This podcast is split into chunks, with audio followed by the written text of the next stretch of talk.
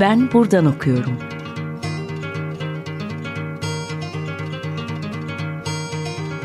Edebiyat ve başka şeyler.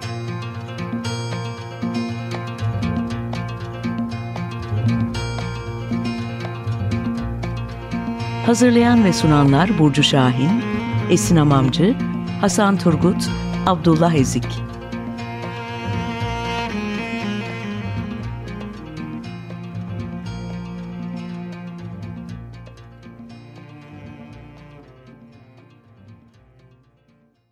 Merhaba, Açık Radyo'da Ben Buradan Okuyorum programındasınız. Ben Burcu. E, stüdyomuzda Şeref Özsoy'u ağırlıyoruz bugün. E, kendisiyle edebiyat tarihçiliğinin başka bir yönüne odaklanacağız. E, ve kitap hikayelerine bakacağız. Hoş geldin. Hoş buldum. Ee, başlamadan hemen kısaca bahsedeyim e, senden. Marmara Üniversitesi mezunu, kanıksadığım biri Orhan Veli, kılavuzu şair olanın ve e, Erol Güney'in kedisi kendisi. E, bunu Haluk Oral'la birlikte hazırlamışlardı. Adlı üç kitabı var. Düzensiz Yaprak, Milliyet Sanat, Adam Sanat, Varlık, Yasak Meyve, Aksak Kurbağa, Öküz, Kitaplık gibi pek çok dergide Türk edebiyatçıların hayatları üzerine denemeler yazdı. 2000 yılında Beyoğlu'nda Orhan Veli Şiir Evi'ni açtı. 2020 yılından beri de Kedi Müzesi'nin yöneticiliği işbirliğini yapıyor. E, şimdi biz bugün Tüken yayınlarından çıkan kitap hikayeleri üzerine konuşacağız dediğim gibi. E, ben bunu alternatif bir tarih yazıcılığı olarak adlandırmak istiyorum. E, işte kitaplarla aslında düşündüğümüz zaman e, kitaplarla haşır neşir olan insanların birçoğunun kitaba ulaşmadan evvel yolunun geçtiği e, bir oyun alanı gibi geliyor bana o kitap hikayeleri işin bu kısmı. Yazarların hayatları işte onların kitaplarını yayımlama süreci işte kendi hikayelerini kurma süreci bu aslında ve çoğu okur içinde e, kitabı daha canlı kılan e, hikayeler bunlar. Şimdi ilk sorumda elbette bu kitabın hikayesi olacak. E, kitap çok canlı ve birbirinden çarpıcı hikayeleri e, taşıyor içinde ama dinleyicilerimiz için e, senin bu kitabı yazma serüvenini de anlatman güzel olur. Ee, çok uzun yıllardır hani e, kitaplarla haşır neşir olduğum için ve e, bazı kitaplar okumadığım kitapların bile kitapla ilgili olan anekdotlar hep ilgimi çekiyordu. Hep onları bir yerlere not ediyordum. Bunlar hep bahis, zaman zaman birileriyle konuşup ederiz. bir bahis açılır onun şöyle bir hikayesi var diye konuşuruz ederiz. Bunu en çok yaptığım insanlardan birisi Ronnie Margules oldu. Aynı şeyleri seviyoruz. Eski edebiyatlarda, şiirlerde aynı insanlar ve e, çok sık gelir giderdi dükkana ve bir şey olduğunda bir, ilk baskı bir kitabı çıkarıp o kitabın hikayesini anlatırdım ona. Kitap ilgisini çekmese bile hikaye çok güzel eğlenirdik falan. Sonra bir gün geldi e, selam sabahsız bu hikayeleri bana yazsana dedi. O zaman Alt Üst diye bir dergi çıkarıyordu. Hangi hikayeleri neleri dedim. Aha, jeton düşmedi. Ondan sonra dedi bu bana anlattığın kitap hikayelerini dedi. E ben onları yazıyorum zaten abi dedim. Yani hı hı. ama dedim şey hani bu formatta değil. Ee, bir gün bir Orhan Veli ile ilgili yazdığım bir eleştiri yazısına bir süper editör yanıt verip kahraman okurları çok şey borçluyuz demişti. Onu okudum ve direkt bu kitaplardaki bu ve e, daha e, kim saçma sapan olaylar kahraman okur süper editöre karşı diye bir kitap oluştu ve onları yazmaya başlamıştım. Yok yok dedi ben onunla ilgilenmiyorum dedi. Ben de kitapların hikayeleri istiyorum dedi. Baktım düşündüm. Oradan o dosyadan bir şeyleri ayıklayarak onlara yazmaya başladım. Ee, hemen hemen her şeyi ilk Ronnie okudu. çok iyi. Ee, kimini düzeltti, kimini eleştirdi, bir şeyler ekledi, çıkarttık vesaire. Ondan sonra ama bu dediğim süreç yaklaşık bir 15 yıl. Ee, tabii 15 yılımı buna vermedim ben. Kimi zaman bir iki yıl hiçbir şey yazılmadı. Kimi zaman iki ayda iki tane yazı çıktı vesaire. Ama e, kitap haline geldiğinde dosyayı ilk baştan sona tekrar okuyan Ronnie'ydi. E, bir kitap hikayeleri ismine karşıydı. Kitabın içinden bir şey seçelim diyordu. Ben de kitabın e, ne olduğunu en iyi ifade eden şeyin bu olduğunu, kitabın içeriğini hiç bakmadan bile ne olduğunu anlatabilecek şeyin bu olduğunu Düz bir söyleyip bir tek istedin. bunu kabul o bu eleştirisini kabul etmedim ve e, bu süreç tamamlanmaya yakın yalnız Ronnie'yi kaybettik. E, kitap halini göremedi. Evet, bu biraz üzücü. Şimdi bir şey de merak ediyorum. Bu kitabın içindeki hikayeler, hikayelerin bir sıralaması var mıydı? Yani muhakkak bir kurgusu vardır diye düşünüyorum. Okurken yok, Yok mu? Yok. Aa, sorum gitti. yani şöyle. şöyle dikkatimi çekti çünkü İskenderiye Kütüphanesi hikayesiyle başlayıp oradan bir yangın hikayesine sıçrıyor böyle alev sıçrıyor gibi Orhan Veli ile devam eden ve yangının yok etmediği bir hikaye çıkıyor oradan. Şimdi bunlar dediğim gibi belli bir akademisyen olmadığım için ben okurum. Düz gittiğim belirlediğim bir yol yok. bir gün bir şey dikkatimi çekip onun çevresinde çalışıp bir örgüyle bir hikaye çıkıyor. Ertesi gün bambaşka bir kuşağa bambaşka bir yere gidebiliyor çalışma. Ee, yaklaşık işte bu 15 yıl içinde 40'a yakın hikaye yazdım. Sonra bunların birkaçını eledim. Ee, hikayeleri önüme koydum. Tabii ki Orhan Veli ilk sırada olacaktı. Ondan sonrakileri kendi e, zevkimle bu daha önce bu daha önce ama bu yanlış anlaşılmasın. En sona attıklarım kötü değil. e, kötü bulduklarımı kitaba almadım. Hmm, daha çok hikaye var aslında var. bir yandan bakınca. Var. Peki bu e, yangının yok etmediği Orhan Veli hikayesini, çeviri hikayesini birazcık anlatabilir misin? Şöyle, e, Us Düşün dergisi çıkarıyordu arkadaşlar. Hı. Ve ona e, değerler özel sayısı dediler. E, bir şey istediler. Ben de o sırada bu hikayeyi okuyordum. Dedim size dedim koskocaman bir kütüphanenin yanmış bir kütüphaneye üzülmediğimi söylesem bu sizin için değer midir? Ama çünkü oradan bir tane kitap kurtuldu. Çok mucizevi bir bilgi. Evet ve e, yani ben dedim binlerce çok değerli şeyler de olabilir onun arasında. Onlara üzülemiyorum çünkü belki bu asla çıkmayacaktı ortaya bu yüzden. Bu yüzden bu bir değerdir dedim. Ve ilk bu e, Orhan Veli'nin e, bilinmeyen hatta çevrildiği bile hiç konuşulmuyordu. Bu kitabın ortaya çıkış hikayesini yazmıştım. e, onu da kitaba alanlar, alanlar okusunlar. E, peki buradan hemen Orhan Veli'yi almışken devam edelim. Orhan Veli ile kurduğum bağı konuşalım. Orhan Veli yürüyüşlerini e, ve hatta Orhan Veli şiir evini de konuşalım. Birazcık benim de hikayem var Orhan Veli şiir evinde. ee, şöyle ben okula başlamadan önce okuma yazma öğrenmişim. ee, ama bundan bir tık, tık daha önemli olan e, ilkokul öğretmenim kapı komşumuzdu. Ve e, kendisi okulda değil sadece okulda değil e, sokağımızda çevremizdeki insanlara da bir şeyler vermeye çalışırdı. Biz kapı komşu olduğumuz için hep kütüphanesinden kitapları dağıtırdı. Biz onları okurduk. Ee, daha ilkokuldayken işte Orhan Veli'nin şiirlerini vermişti. Çocuk aklımda ben tabii ki çok e, etkilenmiştim. Bugün Orhan Veli'yi ilk okusam büyük ihtimalle gene çok etkilenirim ama o günden sonra e, Aysel Yiğit ilkokul öğretmenim beni yönlendirdi. Birçok kişi yapıyordu ama sırf şey değil. Neler okuyabilirsin? Bak beğendiğin şeyi burç açamada böyle yürüt. Sonra biraz daha büyüdükten sonra anıları okumaya başladım. Oradan bir şeyler birikmeye başladı. Sonra e, kitapları toplama ya başlarken birazcık para kazanınca daha değerli şeyleri, ilk baskıları, işte imzaları, el yazmaları falan toplamaya başlıyorsun. Ve süreç geçtikçe galiba kontrolden çıkıyor. ee, ve bir gün e, 2000 yılıydı e, İstiklal Caddesi'nde yürüyorum. Kemal Sunal yeni vefat Hı. etmişti. Bir gün geçerken baktım Vakıfbank Sanat Galerisi vardı. Kemal Sunal Sanat Galerisi yaptılar. Hı. Çok sevindim ama yani bir tek tabela değişikliğiyle bu olmamalıydı dedim ve e, o sırada şairler için kimler neler yapmışı düşünmeye başladım. Orhan Veli için yapılmış bir şey yoktu. Ve benim elimde çok büyük bir kaynak vardı. Ee, kız kardeşi Firuzan abla yaşıyor o sırada. Ona gittim, görüştüm. Böyle böyle dedim.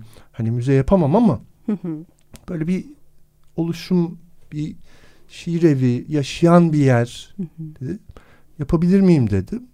Ondan sonra Şeref dedi ben dedi abimin sadece işte doğum günü ya da ölüm gününde gazetecilerin şunların bunların işte beni arayıp e, abimin acısını tekrar tekrar yaşamaktan sıkıldım. yoruldum. Çok hoşuma da gidiyor ama dedi. Böyle bir şey yaparsan bu bayrağı belki sen devralırsın dedi.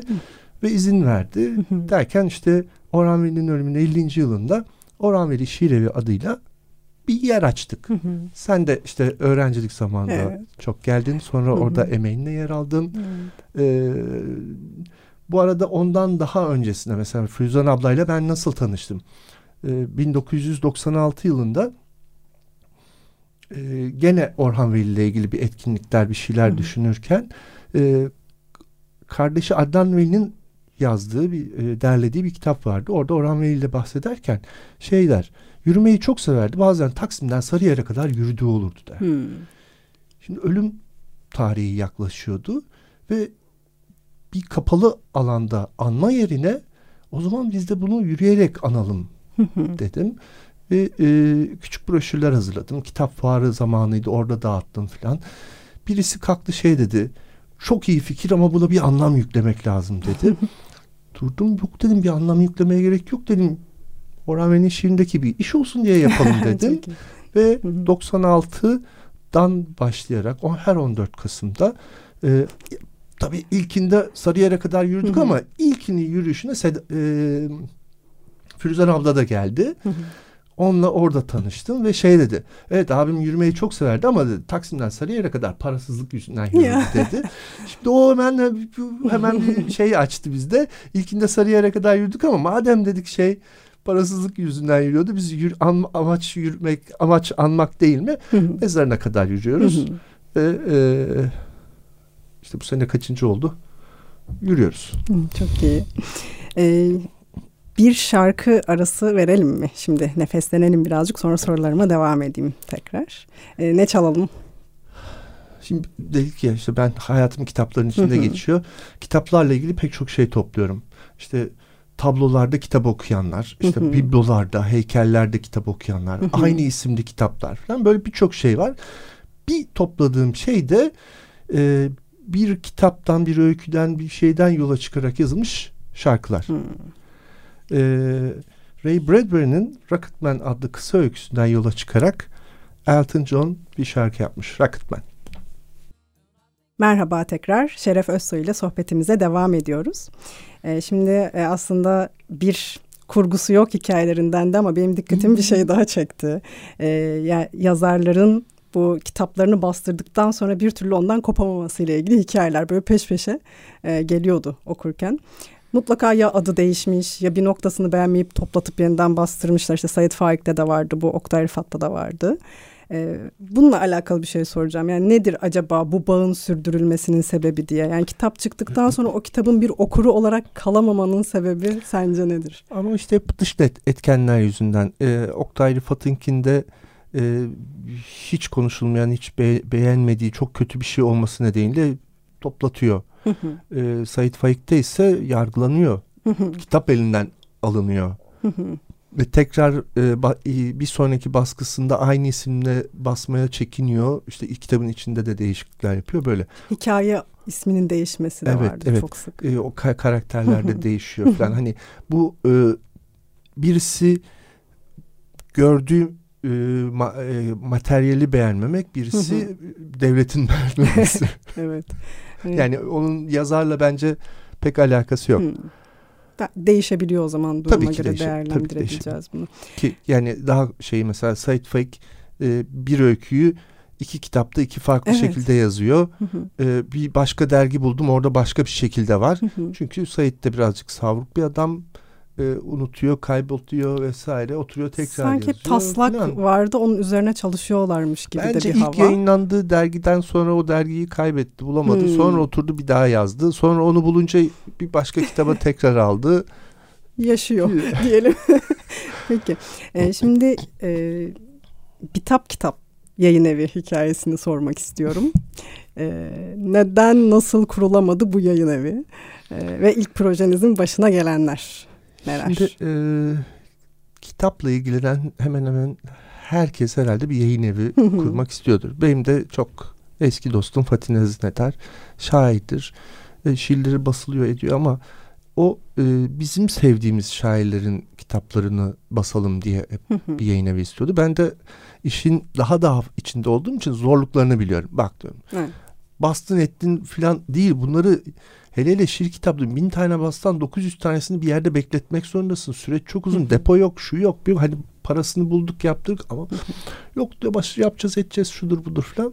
Kendimize bir program çıkartmaya başladık. Bütün gaz Fatih'in suçu. Ondan sonra bizim e, bu arada çok sevdiğimiz bazı e, kitaplar var. İşte bunlardan birisi Bal Kıstık. e, 1941'de e, Orhan Veli Melih Cevdet Oktay Rıfat Garibi yaptıklarında Gar, e, Cancıkyan'la Kalutüsyan'da Bal Kıs diye bir şiir hmm. kitabı çıkıyor. Formatları çok benziyor. Evet. Birçok ortak yönleri var. Şiir türleri aynı. Ama bu kitap bilinmiyordu. Sadece bir iki tane şiir biliniyordu kitaptan. Ve e, ben şiir kitapları da topluyorum. E, şiir kitabı topladığımı bilen arkadaşlarım çağırırlar toplu bir şey aldıklarında falan. Bir, bir gün Balkıs'ı buldum sonunda. Muhteşemdi. Hemen e, onun kendimce fotokopiyle tıpkı basımını yapıp dağıttım arkadaşlara falan. Bizim proje bu Balkıs'la başlayacaktı. Ama tanımıyoruz. E, ailelerine ulaşmak lazım. Telif. Telif. Meselesi. Nasıl bulacağız? Nereden çözeceğiz? Şunu yapacağız, bunu edeceğiz. E, sözlüklerde isimleri geçmiyor. Aileleri bulamıyoruz. Sonra bir gün e, abiye sordum. O dedi ben de duymadım ama dedi bunu bilse bilse Toma bilir dedi. Sonra hemen arayayım sorayım dedi. O, o kim abi filan bilmem. Dur dedi aradı. O sırada Diyarbakır Kitap Fuarı'nda oymuş. Toma denen abimiz. Aa dedi muhteşem olur dedi. Ben dedi onları biliyorum dedi. Onların zürriyeti yok zaten dedi. Yani e, peşlerinden gelen bir aileleri olmadığı için telifi yok. Çok iyi. E, ben dedi Diyarbakır'dayım şimdi kitap fuarına dönünce beraber oturalım konuşalım. E, bir şeyler de daha çıkarırız falan. Peki abi dedik. Biz bu arada çalışıyoruz zaten. Hem başka dosyalar topluyoruz hem bu. E, düşünce de 10 tane kitabı bir arada basacağız ama Balkıs'ı bir tane o kendi formatında bir tıpkı basım yapacağız. Bir eski bir matbaada eski bir kağıt bulacağız falan böyle bir proje. Bir de normal işte okura sunacağımız bir e, günümüz kitap formatı var. Bunları falan yaparken hazırlarken ederken pat diye İş Bankası Balkıs'ı bastı. Sürpriz. Ön söz Toma. Ee, kaldık böyle hani ve işin daha komik yanı Künye'de işte bütün hakları İş Bankası'na ait. Ya zürriyetleri yok bunların. Herkes basabilir. Eyvah. Biz öyle bir Tabii. şeylikle Yayın dünyasının içine. Veda ettik yayın dünyasına. İyi ki de veda etmişiz. Teşekkür ederim Toma'ya. evet. E, şimdi birazcık daha bu bilgi ve belge toplamak üzerinden e, bir şey sormak istiyorum. Yani kitap hikayelerini kaydetme fikrin, e, işte şiir evinin duvarlarını hatırlıyorum, oradaki tabloları hatırlıyorum, e, şiirleri işte Orhan Veli ile ilgili ve sonunda da bir müzecilik hikayesine bağlanıyor. E, bilgi ve belge toplama ve bunları kaydetmekle ilgili senin düşüncelerini merak ediyorum. Biraz önce dedim ya kitapla ilgili birçok şey topluyorum.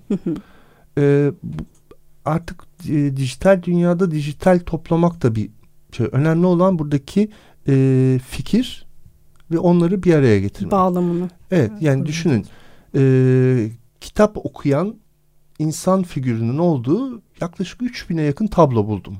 Evet. Bunları zaten toplamaya imkan yok. E, figürler vesaire. E, ama tabii ki koleksiyonculuk e, basılı şeyler ya da materyal işte objeler bu koleksiyonculuk bambaşka bir şey tabii ki. Ama arkasında mutlaka bilgi olması gerekiyor. Evet. İşte Orhan Veli'nin e, kimlerin ne kadar bastığını kaç çeşit yerden çıktığını oturup araştırıp onun bir kaydını çıkarıp ondan sonra arayıp onları bir araya getirmek. ya da e, eğer işte dijitalse oturup dijital dergileri tarayıp onunla ilgili işte karikatürse ya da portre ise bunları toplamak. Toplayıcılık e, artık iki aşamada yapılıyor bence. Bir e, koleksiyon elle tutulan malzeme bize dijital malzeme. E, daha sonra işte ben müze diyemediğim yerden e, işte kentsel dönüşümle binanın zarar görmesiyle hmm. işte artık şiir evini kapatmak zorunda kalmakla farklı şeylerin arayışı e, sadece işte kitap alıp satmakla dönmemek yetinmemekle birlikte e, bir gün Suna Yakın aradı. e, açmayı düşündüğü müzelerden birisi kedi müzesiydi ve dedi bunu senin sana çok yakın bir lokasyonda yapacağız dedi. E, onun yöneticisi olur musun? e, biraz düşüneyim dedim çünkü e, kendine özgü bir yerdeyken gidip e, aynı işi ama birileri için yapmak e, düşündürüyor. Ama işte hayat bazı şeyleri e, tamam deyip yeni bir yola çıktık. Ee, işte Suna yakın 15 yıldan fazla bir süre topladığı kediyle ilgili ama burada bu arada kedi derken çocuk, oyun, oyuncak, masal hı. ve çizgi roman tarihinin kedilerini. Yine Yoksa, edebiyatla bağ evet, var burada. Her, her şey e, bir hayal kahramanlarıyla yoksa sırf kedi objeleri değil, değil. ya da e, kedi tabloları değil. e, ki mesela açıldıktan sonra gelenlerden e, aldığımız işte işte şu, şu tablo niye yok burada dedi. Ya o tabloyu satın alın getirin ben baş köşeye koyayım. Yani evet, Bizim konseptimizde olmasa bile koyayım. Ama evet. yani öyle bir tablo onun dijitalini de buraya koymak müzecilik değil. evet dekorlarda kullanılan şeyler vardır ama müzede e, mesela 1895 tarihli çizgi roman tarihinin ilk hmm. e, çizgi romanı kabul eden Yellow Kit. Hmm. Bu 1895'te bir gazetenin verdiği kağıt oyuncak. Bu olmalı. Yani konsept biraz böyle. Bunlarla evet. karşılaşacak ziyaretçiler. Evet. Ee, müze nerede? Son olarak onu da söyleyelim. Evet. E, Sunay'ın topladığı müzeye Beşiktaş Belediye Başkanı Rıza Akpolat'ın e, imkan sağlamasıyla Beşiktaş'ta eski belediye binası e, dönüştürülerek kedi müzesi yapıldı. Tamamdır. Peki e, bundan sonra yine bir edebiyatla bağlantılı bir hikaye kitabı e, ya da müze ya da bir şeyler toplamak Şimdi, devamında e, ne var bu işlerin? E, kedi edebiyatımız edebiyatçılarımızın Hı-hı. kedileri üzerinden bir kitap var. Hı-hı. Şu an e, bitiyor. Ha, çok iyi. E, sonra Orhan Veli ile ilgili bir tiyatro oyunu var. E, çoğu malzemesi Hı-hı. hazır ama ben çok tembel bir insanım. Oturup onu e, akışa sokmak zor geliyor. Burada söylediğin için artık herhalde. Evet. ee, hep istediğim Özdemir Asaf ve Necati üzerine iki birer çalışma var. Onların imzaladığı kitaplar e, ayrı birer kitap olması gerekiyor. e, onları topluyorum. Ama bunlar hani yarın olur olmaz bir şey değil. Böyle birçok çalışma bir arada sürüyor aslında. E, belki sözünü almış olduk. Birazcık daha hızlanabilirsin. Umarım. Söz Sohbet, veremem. Sohbetin için çok teşekkür Sen ediyorum. Ee, sevgili Açık Radyo dinleyicileri, bugün Şeref Özsoy ile kitap hikayeleri ve müzecilik hakkında konuştuk. Bir sonraki programda görüşmek üzere, hoşçakalın.